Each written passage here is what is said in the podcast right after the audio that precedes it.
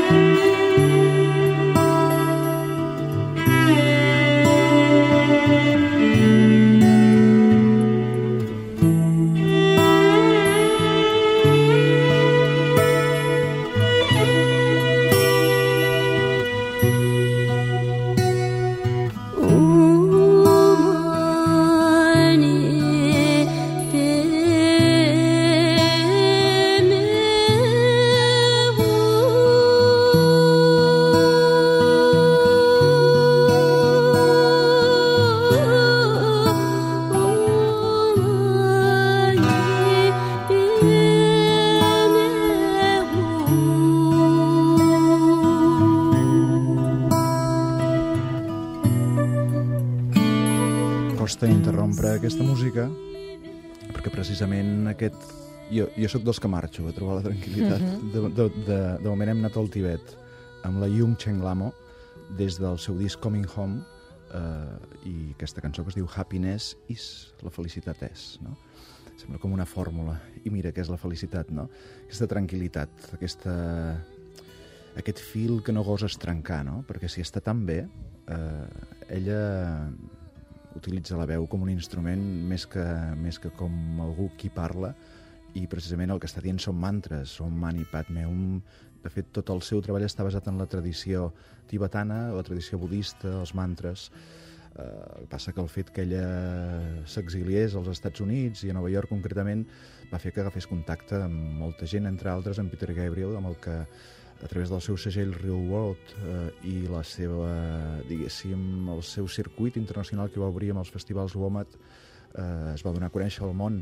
Ha guanyat premis a Austràlia, a França, a alguns dels més importants eh, pel que fa a la cultura, i ha treballat amb gent tan diversa com el Billy Corgan dels Smashing Pumpkins o Annie Lennox dels Eurythmics o Michael Stipe dels Rem eh, i molts altres. Segurament eh, els uneix una espiritualitat, estem parlant d'una tranquil·litat molt profunda, tant que ja porta la pau interior, no?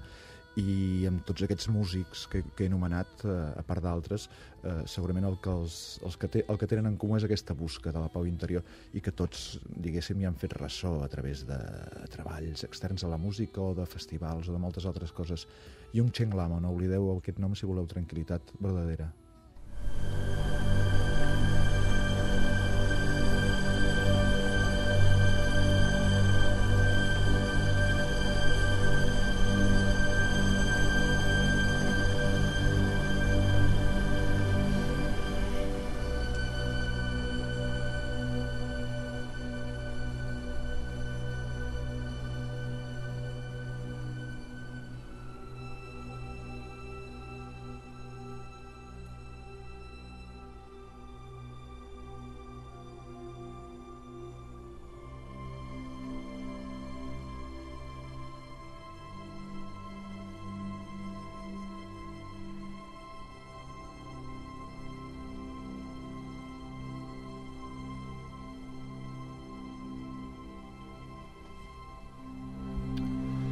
Avui costarà molt parlar amb aquesta música tan meravellosa. Aquesta és una peça fantàstica que es diu The Unanswered Question, la pregunta no resposta, del músic eh, nord-americà Charles Ives. Uh, és una peça, com veieu, curiosíssima. Mai tan poques notes creen un clima tan ràpid. Hem escoltat pràcticament quatre notes en un minut de música. És una peça que va escriure l'any 1906 uh, juntament amb una altra obra fantàstica que es diu Central Park in the Dark, el, el Central Park a la fosca, no? i que forma part, eh, ell va definir com two contemplations, dues contemplacions. És una música molt curiosa, primer perquè aquest, aquest espai de cordes que esteu sentint tocat en pianíssim, pràcticament sota voce, i perquè eh, ara sentiu el vent metall que emergeix Wow. com, eh, com del no-res. És una peça molt curiosa, si la sentiu mai en directe, la, la, la OBC la va fer fa poc, perquè tenim l'orquestra situada a l'escenari, les trompes a les tribunes, és a dir, on es presti de l'auditori, és a dir, han de fer com que venen de darrere, i després un quartet de ben fusta a l'interior de l'escenari. Uh, això responia a tres plans diferents sonors existencials d'aquesta música.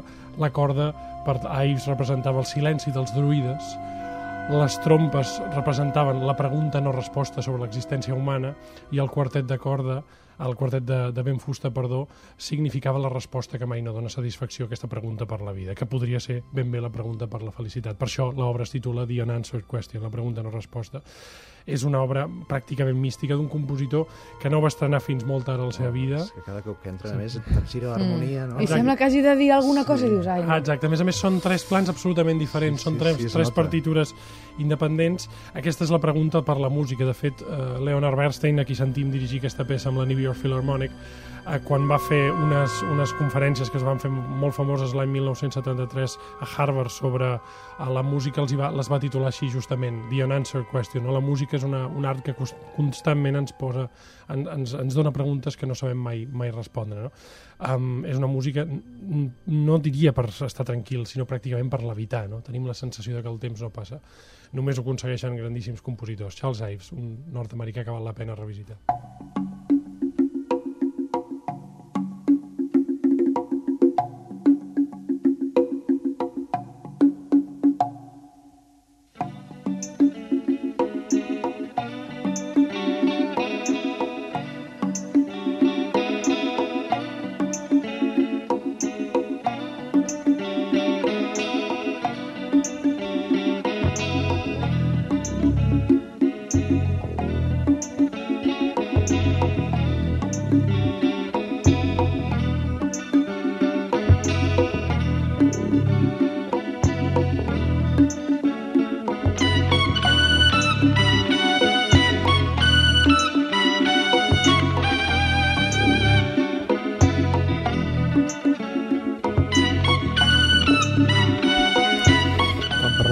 La secció d'aquest dissabte, eh, vam estar a punt de fer música per llegir. sí. Sí, allò de la tranquil·litat, música per llegir, l'estiu es es llegeix molt, i el, el, el Bernat va saltar com un lleó i va dir... Com un tigre. Com un pot- tigre, no més es aviat. pot- No es pot llegir si escoltes música, no? Uh, tot i que és una Molt cosa... bé el to l'has fet. Exacte. Has fet una pausa en no es pot. no es pot llegir. Tot i que és una cosa que fa molta gent. Uh, el que sí que he fet avui, d'alguna forma, és uh, buscar música que pràcticament, uh, més que no es pot llegir amb aquesta música, no es pot ni escoltar algú que canta. O sigui, hi ha molta música instrumental, fins i tot en el concepte que he portat amb la Yung Chen Lamo. No estàs uh, escoltant què diu i entenent significats, no? sinó et deixes portar cegament només per la música, sense paraules. Això es diu The Sheltering Sky eh, de la mateixa manera inspirat en el llibre de Paul Bowles de l'any 48-49 eh, que es deia El Sheltering Sky i que després també va basar-se una pel·lícula de Bertolucci que es deia així, El cel protector no? eh, m'avanço una mica la setmana que ve perquè és un viatge el llibre, no? és un viatge a, al desert, és un viatge des de Nova York fins a perdre's dins d'Àfrica. Eh, ells són King Crimson i just aquest disc i aquesta, aquesta cançó, aquesta composició, significava el començament un altre cop d'una nova etapa del grup. I en principi no d'això. Robert Fripp, el guitarrista i líder de la banda, eh, havia liquidat la banda l'any 74, 76 aproximadament, depèn de quan van sortir els discs, eh, i el 81 reuneix eh, uns nous músics, entre els quals Adrian Biliu, que estem sentint aquestes guitarres que semblen sintetitzadors o, o sorolls eh, molt especials. Aquest d'aquí és el Robert Fripp, amb aquestes guitarres flotants, basades en una harmonia àurea i buscant la màgia blanca i el positivisme, com diu ell sempre, i a partir d'aquí mm, reorganitza un grup de músics però sense la intenció de que es diguin King Crimson. S'havien de dir Discipline, la banda, Disciplina. Finalment, eh, el que es diu Disciplina és el disc, eh, el, del qual forma part d'aquesta cançó. Eh, I la banda se segueix dient King Crimson perquè l'essència era ell, potser no se n'havia donat encara.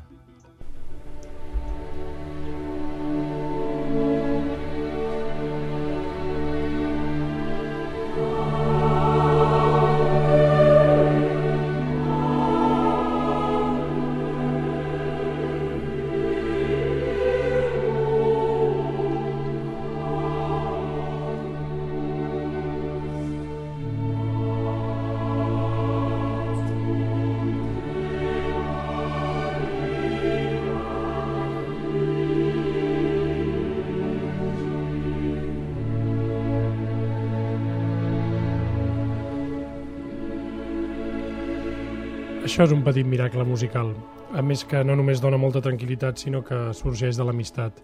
L'any 1791, quan estava molt fotut de pasta i a més tenia bastants problemes existencials, un senyor que es deia Wolfgang Mozart va rebre una carta d'un amic seu, d'Anton Stoll. Uh, aquest senyor tenia un... Uh, era, vaja, el músic d'una petita parròquia uh, a Baden i li va dir, escolta, tinc un cor d'aficionats i necessito que em facis un motet aquest Ave Verum Corpus per al meu cor i ha de ser una cosa senzilla, que tingui poques notes, que no exigeixi molta potència. Mozart es trobava molt afectat perquè en aquell moment la seva dona estava malalta, se n'havia d'anar justament a Baden on hi havia un famós balneari i ell tenia tan poca pela que no podia anar amb ella i això el va destrossar. Es trobava ja mig malalt fent la flauta màgica i de sobte passen aquests miracles, que en un moment de tensió, de tristesa, surt aquesta música extraordinària amb tanta tranquil·litat, amb pau, amb tanta pau d'esperit, on aprofita aquest uh, text de sacre del segle XIV, que bàsicament explica uh, la història del cos de Cris com a prova, diguéssim, del martiri, doncs per eh, fer una espècie de testament sobre la seva tranquil·litat vital, la tranquil·litat d'un creador que sap que més o menys ja ho té tot fet i que passarà la història per la seva música. És una música d'una bondat, d'una amistat, d'un sentit de l'amistat gratuïta, espaterrant, i és Mare meva, com ens ajuda aquest paio a seguir vivint?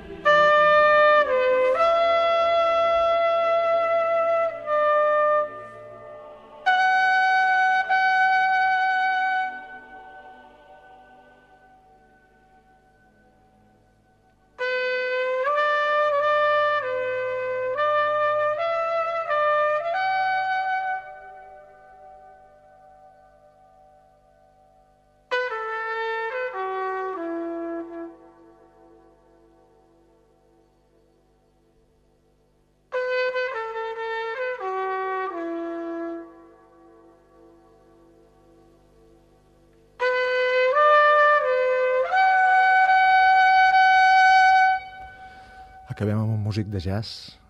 Podríem haver optat per fer la tranquil·litat des de molts punts de vista, des del jazz mateix, haguéssim posat la Nora Jones o la Madeleine Peyrou, o haguéssim trobat uns ambients de Lisa tranquil·litat. Simpson. Lisa Simpson, exacte.